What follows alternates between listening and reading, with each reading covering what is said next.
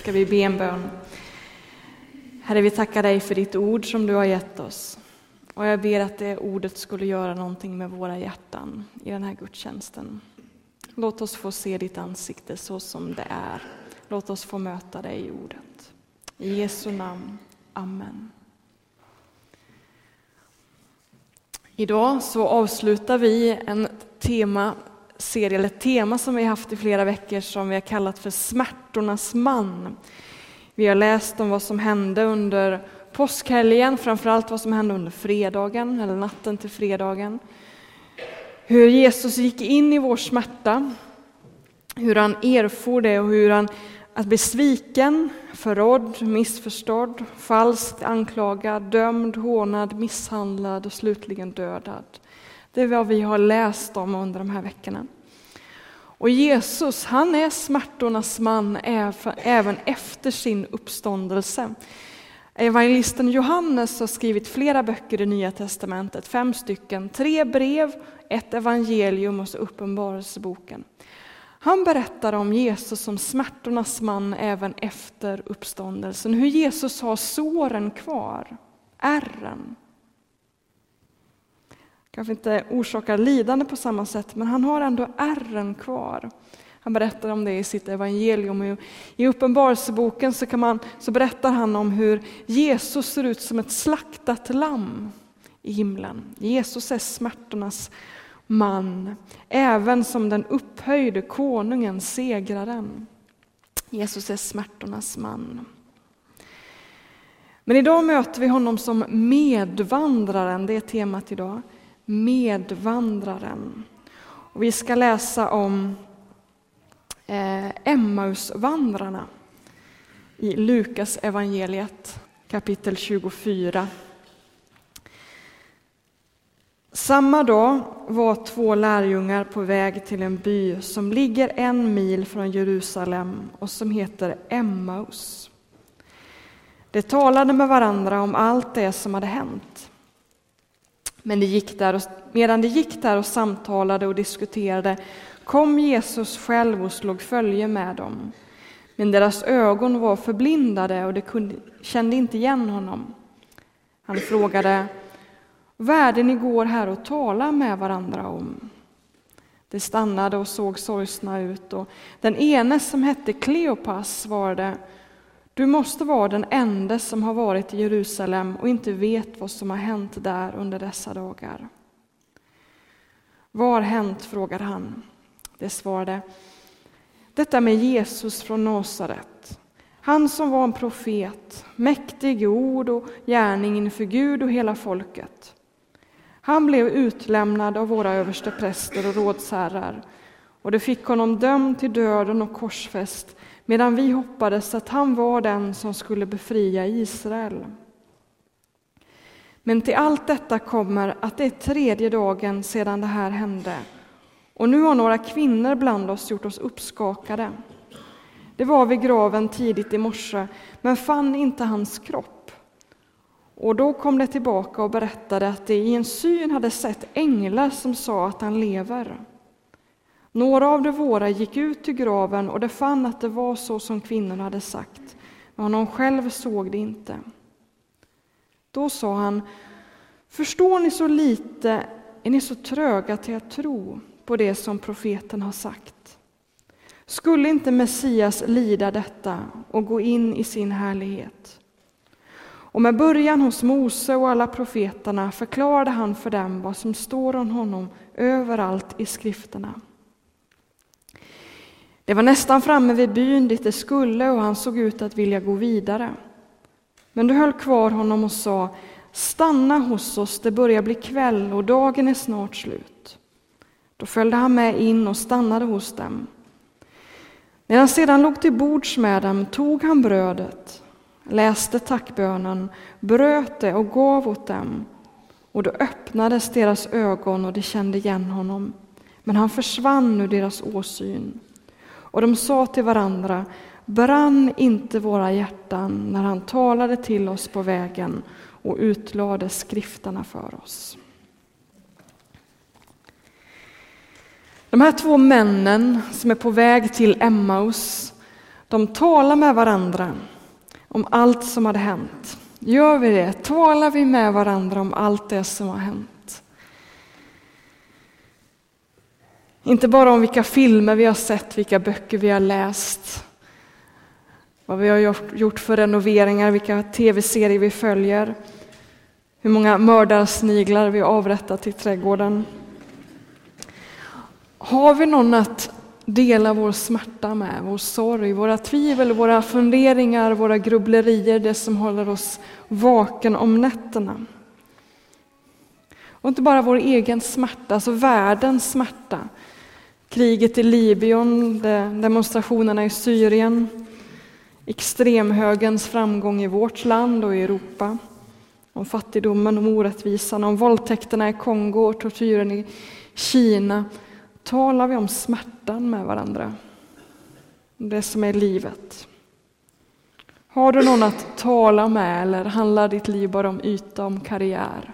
Har du någon att tala om smärtan tillsammans med? Det kan man inte göra med vem som helst. Det kan man bara göra med vänner. Har du en vän, en medvandrare, någon som du kan ha och tala med, samtala om, om smärtan? De här gjorde det, de här vännerna på väg till Emmaus, de talade om smärtan, det som de, de hade upplevt i Jerusalem. Om sin besvikelse. De var ledsna. De hade anslutit sig till den här Jesus-skaran, de hade trott på honom, de hade hoppats på Jesus, de hade tänkt att nu händer det. Och så blev det inte alls som de hade tänkt sig, de, blir, de är besvikna, de är ledsna. Och så kommer det en man. Och så ber de, den här mannen ber männen att berätta. De ser inte att det är Jesus, men vi som läsare av berättelsen vet att det är Jesus. Och Jesus frågar männen, vad är det som har hänt? Och Jesus vet ju mycket väl vad som har hänt. Han, är ju, han har ju spelat huvudrollen i hela detta drama. Jesus vet vad som har hänt och då kan man fråga sig vad, varför ber han männen att berätta? Och så är det ju med bönen också. Varför ska vi behöva be till Gud när han redan vet allt? Kanske för att Gud vill att vi ska berätta om hur vi har det. Alltså, bön funkar lite olika, men delvis tror jag att det är därför. För att Gud vet att vi behöver berätta för honom hur vi har det. Vi behöver få berätta för vår egen skull. Och då är frågan, berättar du för Gud hur du har det? De flesta av oss är alldeles för fromma i vår bön, alltså vi staplar religiösa ord och fraser på varandra. Liksom. För det är så vi har lärt oss. Och det är också en del av bönen. När jag tackar Gud så gör jag ofta det genom religiösa ord. Hämtar du Bibeln eller ur sånger, framförallt ur Saltaren. Eh, när jag ber hemma så använder jag mig ofta av Saltaren. Eh, det är en bönebok som du hittar i mitten av Bibeln. Om du slår upp Bibeln bara sådär så hamnar du ofta i Saltaren. 150 böner finns där och de finns där för att, för att de ska användas. Och jag använder mig av dem dagligen. Men sen efter efter att jag har använt den här böneboken, då berättar jag för Gud hur jag har det. Vad jag tänker på, vad jag längtar efter, vad jag funderar på. Och så föreställer jag mig hur Jesus står liksom precis framför mig, bara några decimeter. Han står där och lyssnar. Det är mycket enklare att tala om sin smärta, om sin, det som man grubblar över för någon som står här och inte upphöjd uppe i himlen. Så det är vad jag, vad jag tänker mig när jag ber och berättar. Och som sagt, precis som Emmausvandrarna så berättar jag om mina besvikelser. Ofta handlar mina böner om det. Och varför inte samma saker händer här som till exempel i Bangladesh? Några av er har eh, vet om att det är några från församlingen som åkte till Bangladesh innan påsk för att ha lite gudstjänster och evangelisera. Och de ska berätta mer om det nästa söndag. Men där fick de se hur många människor kom till tro, hur lama började gå, stumma tala och döva höra. Och så, så tänker jag, Varför får inte jag se mer av det här i Sverige? Om sånt talar jag med Jesus om. Varför får inte jag vara med om det här i Linköping?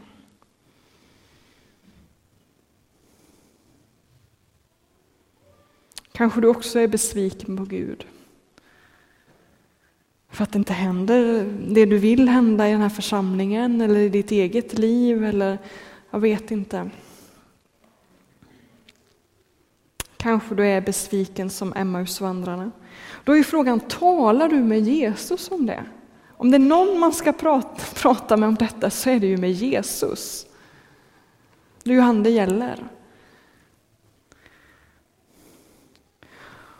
Och vad gör Jesus efter att Emmausvandrarna har berättat om sina besvikelser över vad som hände under påsken? Jo, Jesus säger, förstår ni så lite? Han kan tycka att det är lite taskigt. Förstår ni så lite, är ni så tröga att tro? Ja. Och så börjar han berätta om vad som står i Gamla testamentet, från Mose till profeterna. Han berättar om vad som står om Messias som frälsaren i Gamla testamentet. Han förklarar och säger att ja, men Messias var tvungen att lida. Messias var tvungen att vara smärtornas man. Det här var ju vägen, det här var ju grejen och ni är besvikna. Det är det här som är evangeliet. Han försöker förklara. Och ändå så faller inte poletten ner, trots att det är liksom världens bästa predikant och lärare, bibelstudieledare. Ändå faller inte poletten ner.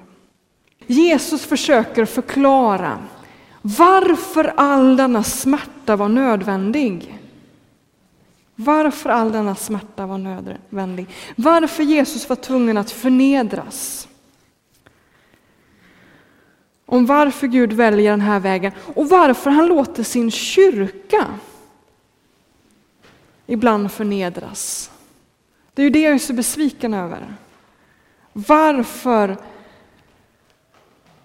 tillåter Gud sin kyrka i Sverige förnedras på det här sättet. Alltså folk skrattar ju åt oss ibland. Hur kan vi tro på det här? Hur kan vi följa det här? Alltså det, är ju gam, det är ju gammaldags och det är löjligt. Och det är... Varför tillåter Gud denna förnedring? Varför måste vi gå det här korsets väg och följa den här lidande Messias i hack i häl? Ibland händer det ju fantastiska saker man känner yes, vi tror på konungen, den största och ibland tänker man vad är detta egentligen? Och det är det jag talar om med Jesus om. Och ibland kan jag bli så arg när jag går på mina bönepromenader att jag sparkar på träden och stenarna och tänker What? Alltså, vad håller du på med Gud? Jag hade en sån promenad en gång ute på Omberg i naturreservatet där.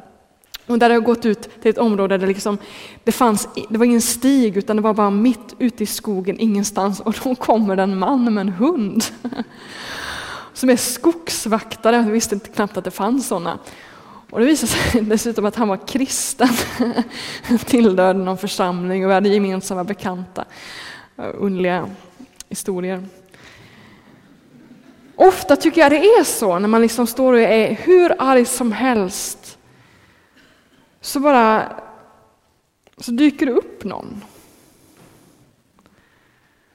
Som ett tecken på att det går att tro på Jesus.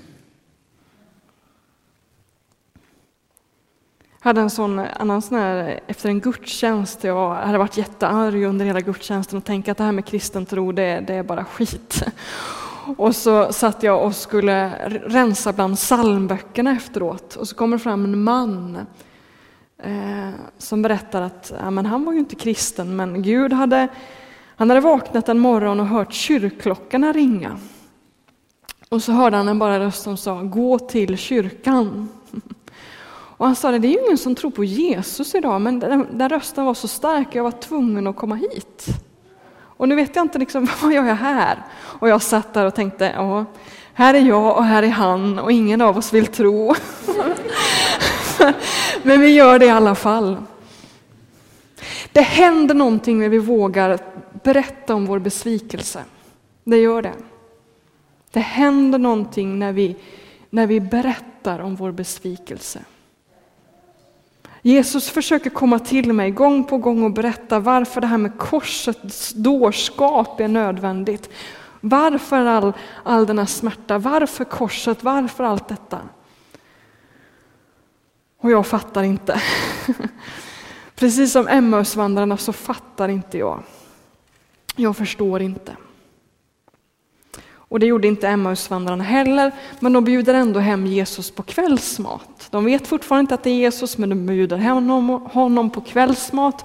Och när de sitter där till bords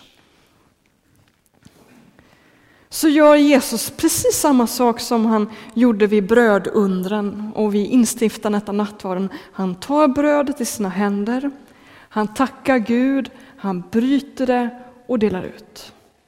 Samma liksom mönster. Han tar brödet, tackar Gud, bryter det, delar ut. Och då öppnas deras ögon och de ser ju Jesus. Han som vi varit så besvikna på. Han sitter där i vårt kök.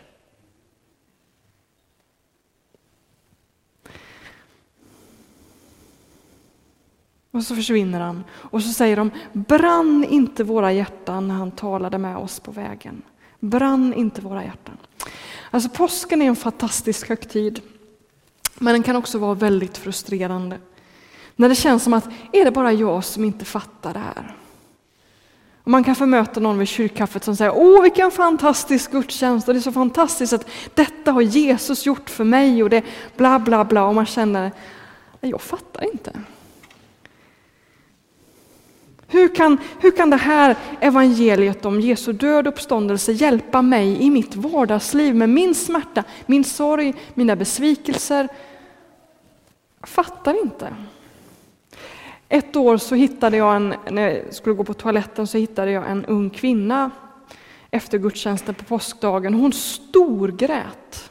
Och jag frågade hur är det fatt? Och så sa hon, alla andra är så glada, utom jag. Så påsk kan vara fantastiskt, men den kan också vara hemskt när man känner, är det bara jag som inte fattar vad, vad, det, är, vad det är som är liksom det stora, roliga och glada med det här? Det kan vara hemskt. Men tala med Jesus om du känner så. Berätta om dina funderingar, dina tvivel, dina frågor. Kanske du inte kommer bli ett dugg klokare. Men du kommer att erfara att Jesus är med dig på vägen. Att Jesus är med dig på vägen. Och att du får vara med i den här måltiden. Att Jesus bjuder in dig till sin måltid, att han bryter brödet med dig och säger ta emot av min kropp, ta emot av mitt blod. Var med i det här förbundet, var med i frälsningen, ta emot detta. Du behöver inte förstå. Mitt i liksom sin förvirring, sin oförståelse så får Emmausvandrarna vara med där och dela brödet med Jesus. De får vara tillsammans med honom, de får vara en, en, en i gänget. I österländsk religion, typ buddhismen, då handlar allting om kunskap och insikt. Man ska förstå en massa saker för att bli frälst. De kallar ju frälsningen för upplysning. Det är den termen de använder. Upplysning, det, alltså det handlar om att man blir klokare, man får en insikt. Men så är det inte i kristen tro. Visst är det här med kunskap bra, alltså man, ska, man ska läsa sin bibel och man ska försöka lära sig mer och lära känna Jesus. Men man måste inte förstå evangeliet för att bli frälst. För att bli ett Guds barn. Du måste tro att Jesus dog, att han uppstod, att han är världens frälsare och konung. Men du måste inte förstå hur det är möjligt att detta frälser dig. Men du måste tro och lita på Jesus, på evangeliet. Men du måste inte förstå på vilket sätt liksom allt detta förmedlar frälsning till dig. Samma sak med treenigheten. Du måste inte förstå treenigheten. Men du måste tro att Gud är treenig. Lita på honom när han säger det. Och Emmausvandrarna sa, brann inte våra hjärtan när han talade med oss på vägen. Brann inte våra hjärtan. De sa inte, hur upplysta blev vi inte när han talade med oss på vägen? Utan våra hjärtan började brinna.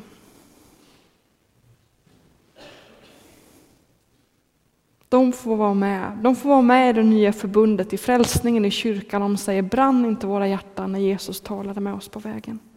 Och så är det med mig när jag bråkar med Gud, i skogen eller hemma. Att ibland när jag känner att jag vill inte vara kristen längre, det här är bara... Jag vill inte vara med om det här längre.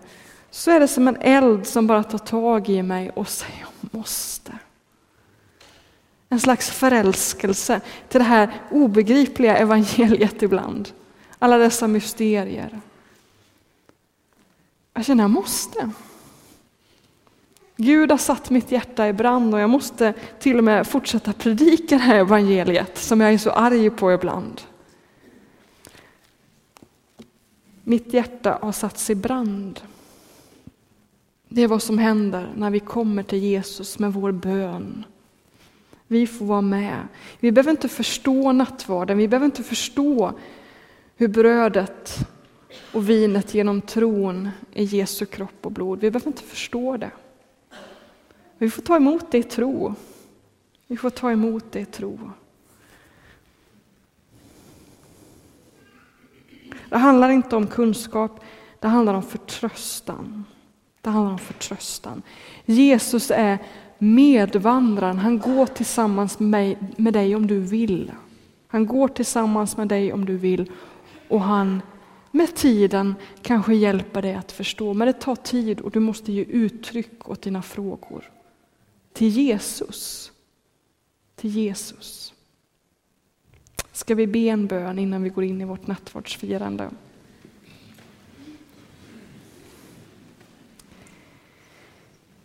Jesus, jag tackar dig för detta stora. Att vi får vara med trots att vi inte förstår. Trots att vi inte fattar varför korset var nödvändigt. Varför all denna förnedring och lidandet är nödvändigt. Varför vi måste gå korsets väg. Trots att vi inte förstår så får vi vara med. Herre, jag ber att du skulle komma till den som brottas och som grubblar och som känner ah, jag vet inte om det här med kristen tro är någonting för mig. Jag ber att du skulle komma till den personen just nu och sätta dens hjärtan i brand. Låt den personen få känna att jag får vara med. Jag får leva ett liv tillsammans med Jesus även om jag inte greppar allt detta. Men jag ber också att vi skulle få insikt i ditt evangelium. Jag ber för mig själv, jag ber att jag skulle förstå varför korset är nödvändigt. Du kunde ha valt vilken annan väg som helst och så väljer du den här. Varför? Ge mig ett svar så att jag får lära känna dig. Tack för att vi har fått fira påsk, tack att vi har fått fördjupa oss i det här temat under de här veckorna. Tack för att vi får komma och få fira påsk igen, om det dröjer innan din ankomst. Jag tackar dig för den dagen då vi kommer få se dig som den du är, sitta med dig, tillsammans med dig i ditt rike. Och då kommer du förklara allt och då kommer vi förstå. Och vi kommer, vi kommer få lära känna dig fullkomligt. Var med oss fram till den dagen. Låt oss få lära känna dig allt mer. Låt oss få växa i förtröstan. I Jesu namn. Amen.